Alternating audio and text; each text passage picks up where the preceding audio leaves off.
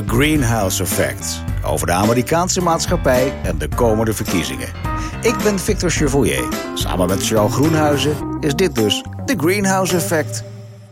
Hartelijk welkom bij alweer de veertiende aflevering van The Greenhouse Effect. En eh, we gaan het vandaag eens voor de verandering hebben over Donald Trump. Want er speelt nog steeds iets met de Supreme Court. Eh, hij wil maar geen opening geven van zaken omtrent zijn belastingaangifte. En het is ook helemaal niet bekend wat voor vermogen hij eigenlijk heeft. Eh, schulden, we weten er niks van. Charles, vertel. Even Trumpiaans, Mr. Ja. Chevalier.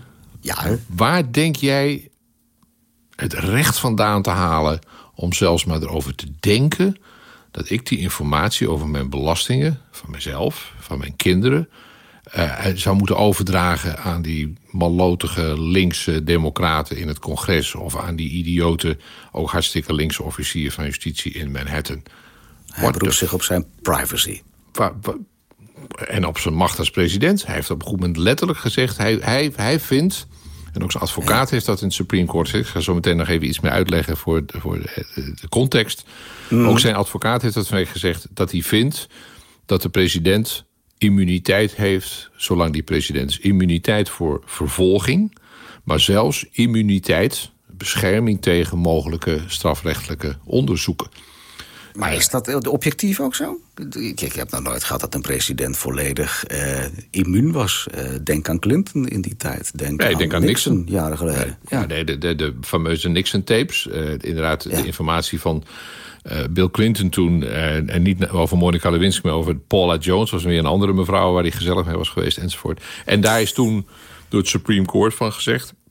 die informatie moet de president overdragen. En die twee voorbeelden zijn alleen zo interessant... omdat Nixon uiteraard een republikein was... en eh, Bill Clinton een democraat. En toen dus in het congres, maar ook in het Supreme Court... wat altijd een beetje opgedeeld is in democraten en republikeinen, dat weten we. Eh, toen dus door wel republikeinen als democraten gezegd is... ja, de president moet die informatie overdragen. In dit geval hebben we te maken met eh, koning Donald. Ik zeg, eh, bijna koning Donald. Ja. Omdat hij vindt, en dat zegt die advocaat dus ook... als spreekbuis van de president... dat hij vindt dat hij die daartegen beschermd is en tegen beschermd moet worden... Uh, en uh, Trump heeft op een moment gezegd van... ik kan iemand midden op Fifth Avenue neerschieten... en ik zal nog niet vervolgd worden. Letterlijke tekst. Dat is niet iets wat ik bedenk. Dat komt niet uit een cabaretprogramma van een anti-Trumpie. Nee, dat heeft Trump Dat, zelf is- dat gezegd. zegt hij zelf. Maar, Uh, maar en is daar, er dan die, manier van, die manier van denken zit daaronder. En die, die speelt nu volop uit in die eh, paar eh, zaken die bij het Supreme Court nu spelen. En zijn van geweldig belang, ook voor de herverkiezing of niet herverkiezing van Trump. Nee, dat snap ik. Maar dat, dat is natuurlijk heel raar dat, dat iemand als president dat gaat roepen. Want ik hoor jou niet iets vertellen over dat daar wel een bepaalde wetgeving achter staat. Dat daar, dat daar eh, jurisprudentie over is. Dat is er dus ook gewoon niet. Hij vindt dat. Punt. Er is wel jurisprudentie, maar hij vindt het toch.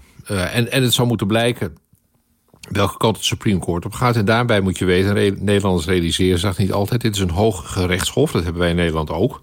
Mm. Nederlanders moeten zich realiseren dat als wij praten over het Supreme Court... het Amerikaanse Hoge Rechtshof... dat je over iets totaal anders spreekt... als je het vergelijkt met de Nederlandse situatie. Amerika en Nederland zijn onvergelijkbaar. Amerika heeft een Supreme Court... dat een zeer belangrijke politieke functie heeft, A. En B, een samenstelling heeft waarvan wij allemaal, als je het een beetje volgt... precies weten van die negen rechters... wie zijn de republikeins en wie zijn de democratisch. Nou, dat is, in Nederland is dat nooit aan de orde. Het enige wat je wel eens hoort... Ah, we hebben wel veel rechters van de VVD en van D66... en een beetje dat soort gedoe. Maar voor de rest... Klinkt een beetje kunnen kneuterig in rechters Nederland. Ja. in de luwte van onpartijdigheid...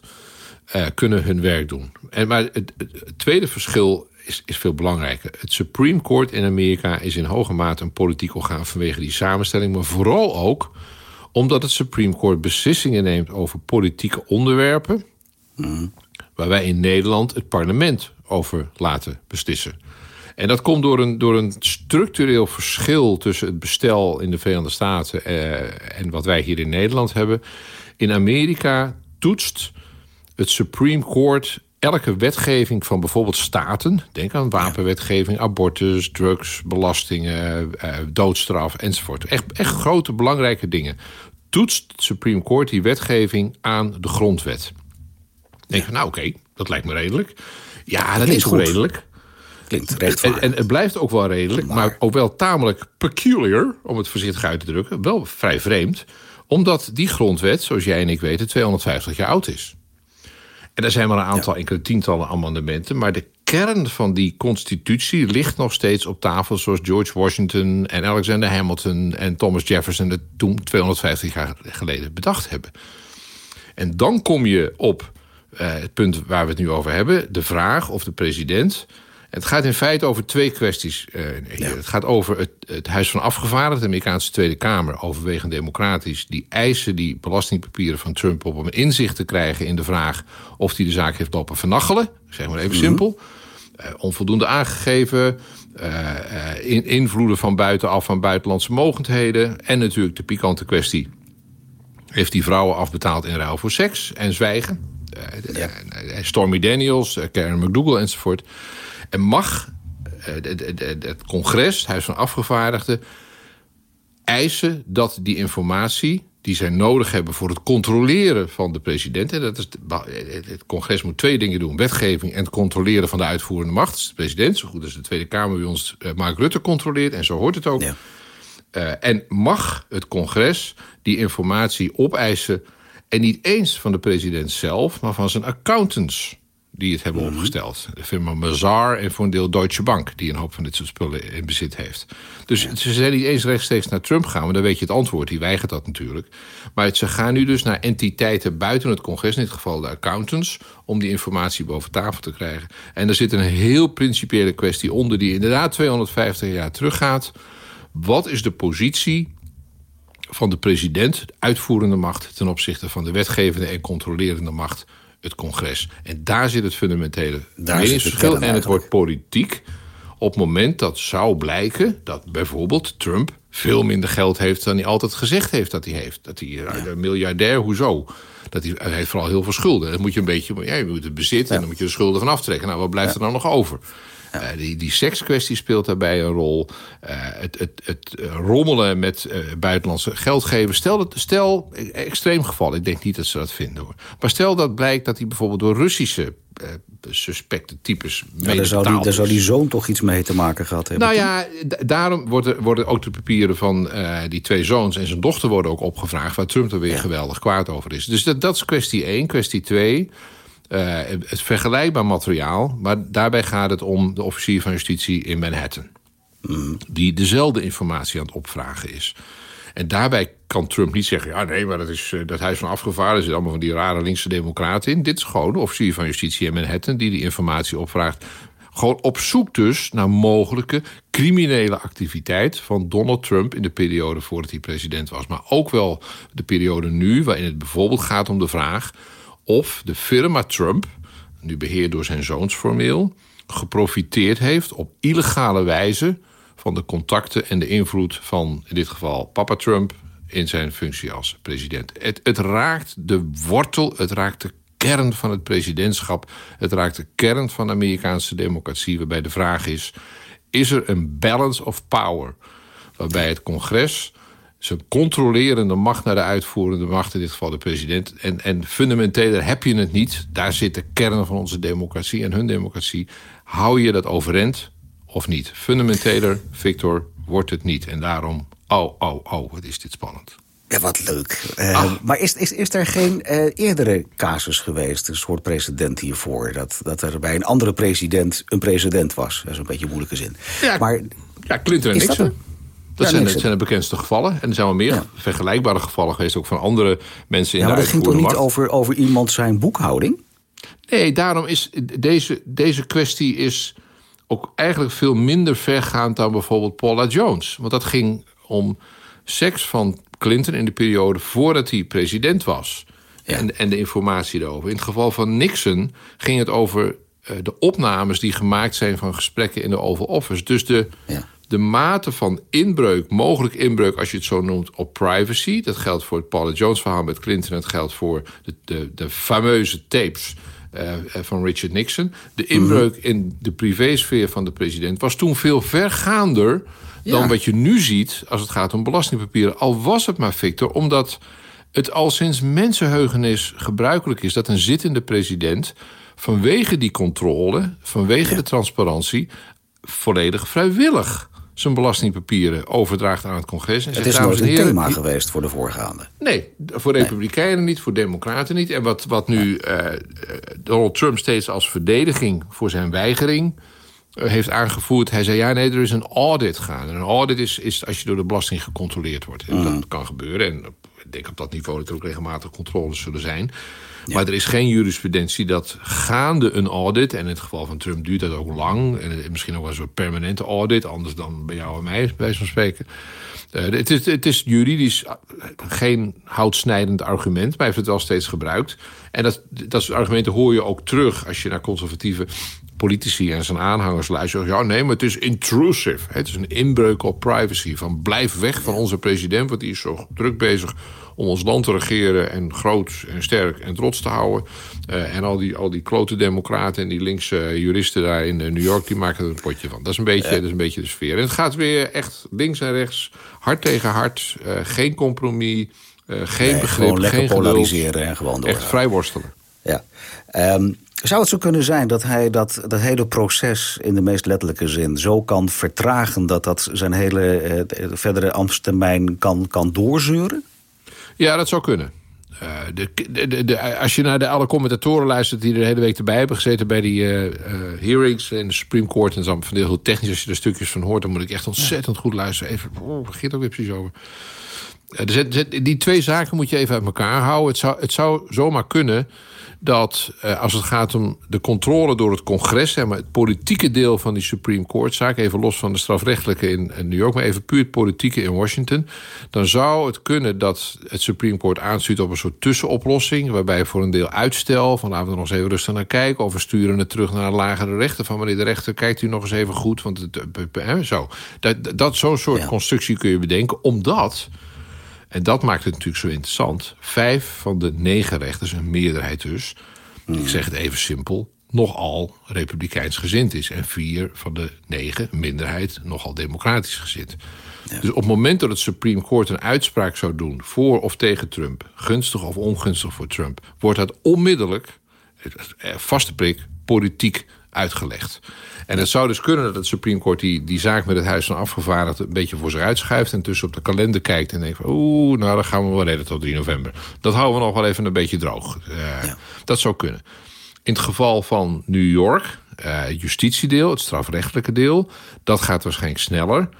Uh, en daar wordt, komt waarschijnlijk een wat ze noemen een grand jury procedure. Daar wordt bewijsmateriaal voorgelegd aan een jury van... nou, wat vinden jullie? Moeten we dit gaan vervolgen, ja of nee?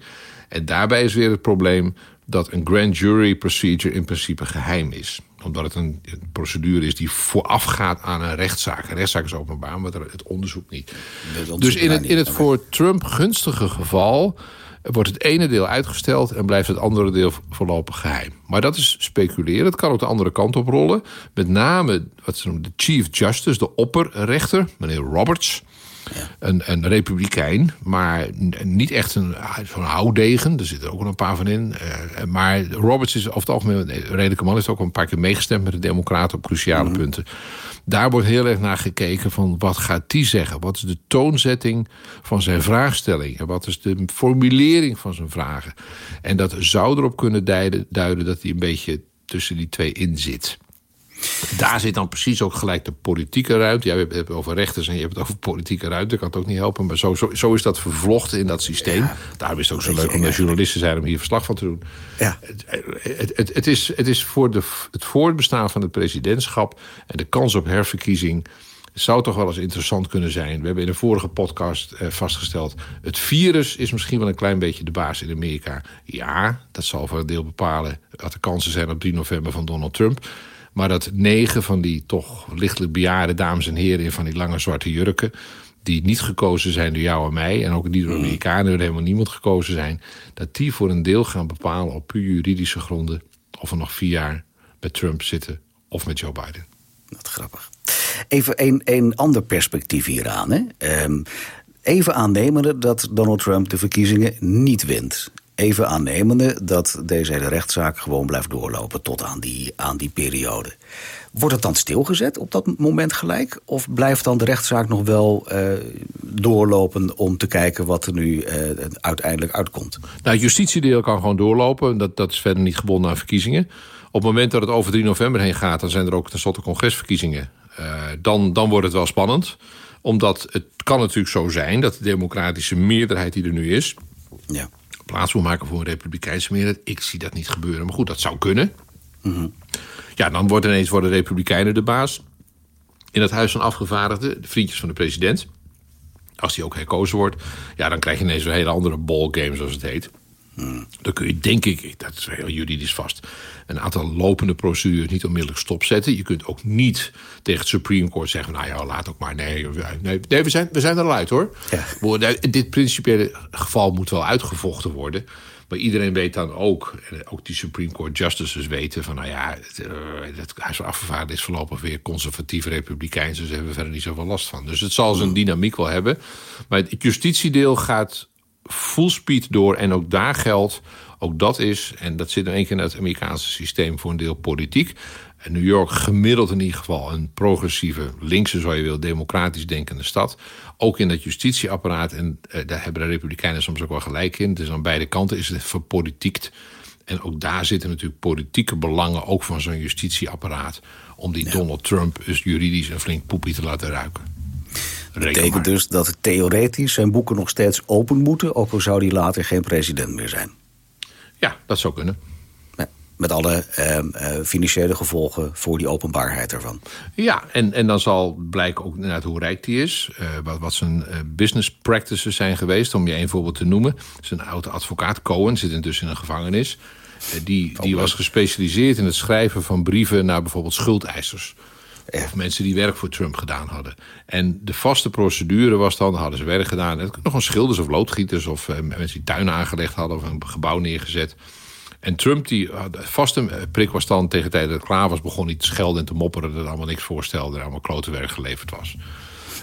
En daar kwam de rekening van, het noemen ze 100.000, meestal was het natuurlijk meer, maar goed, even gemak, 100.000. En dan zei Trump, are you fucking out of your mind? Ik betaal 30.000 en als je niet bevalt, dan zeg je maar. Nou, dan zeiden ze, nee, dat bevalt me niet. Ja. Uh, en dan zei hij, nou, dan, de full force kwam dan aan advocaten over hem heen. En er kwamen er gewoon zware dreigbrieven van de kant van Trump in de richting van zo'n contractor. Die dan ja, zat te bibberen en te beven. Want die had dan, weet ik veel, honderdduizend of een paar miljoen te goed van Trump. En dacht van, holy shit, dat gaan we niet krijgen. En moet ik dit proces gaan voeren. En hoeveel ben ik het allemaal niet kwijt. Toen is aan die Cohen gevraagd in die hearings. Daar waren die zo maatloos interessant. Kwam dat nou vaak voor? Dat je dat soort dreigbrieven moest sturen aan, ja. naar dat soort mensen? Ja, dat kwam er regelmatig voor. Nou, hoe vaak? 50 keer? Nee, nee, nee, wel iets meer. 100? Nee, nee, wel iets meer. 200? Nee, nee, wel iets meer. Kwam ze op 500, kwam die zelf uit. Ja. Die hij geschreven had, in opdracht van Donald Trump... om mensen echt het bloed onder hun nagels vandaan te halen. Dat is echt zijn manier van zaken doen. Dat is zijn manier van zaken doen. Ja. Ik heb het in de vorige wel eens gezegd. Het is een man die, die hij grossiert in boosheid. Hij ja. grossiert in tegenstellingen creëren. Maar jij hebt iets voor mij gedaan, heb ik iets voor jou. Dan lossen wij het op. Ook als we een meningsverschil hebben, zeggen we... God, Victor, ga even zitten. Hoe lossen we dit op? Ja. Maar hij begint met je eerst juridisch echt vol op je neus te beuken. Ja. En dan kijken of je schrikt. Precies, en dan te kijken hoe hij daar het beste uitkomt. En die arme contractor zaten dan vaak te rekenen van... shit, als ik dit naar de rechter breng en ja. uh, nog een keer naar de rechter... nog een keer naar de rechter, dan ben ik een advocaatkosten kwijt. En op een goed moment dachten ze dan... Laat, Laat maar. maar. Nou, en dan had hij ze zin. Mooi einde van deze podcast. Dankjewel, show. Graag tot de volgende keer. Heel graag.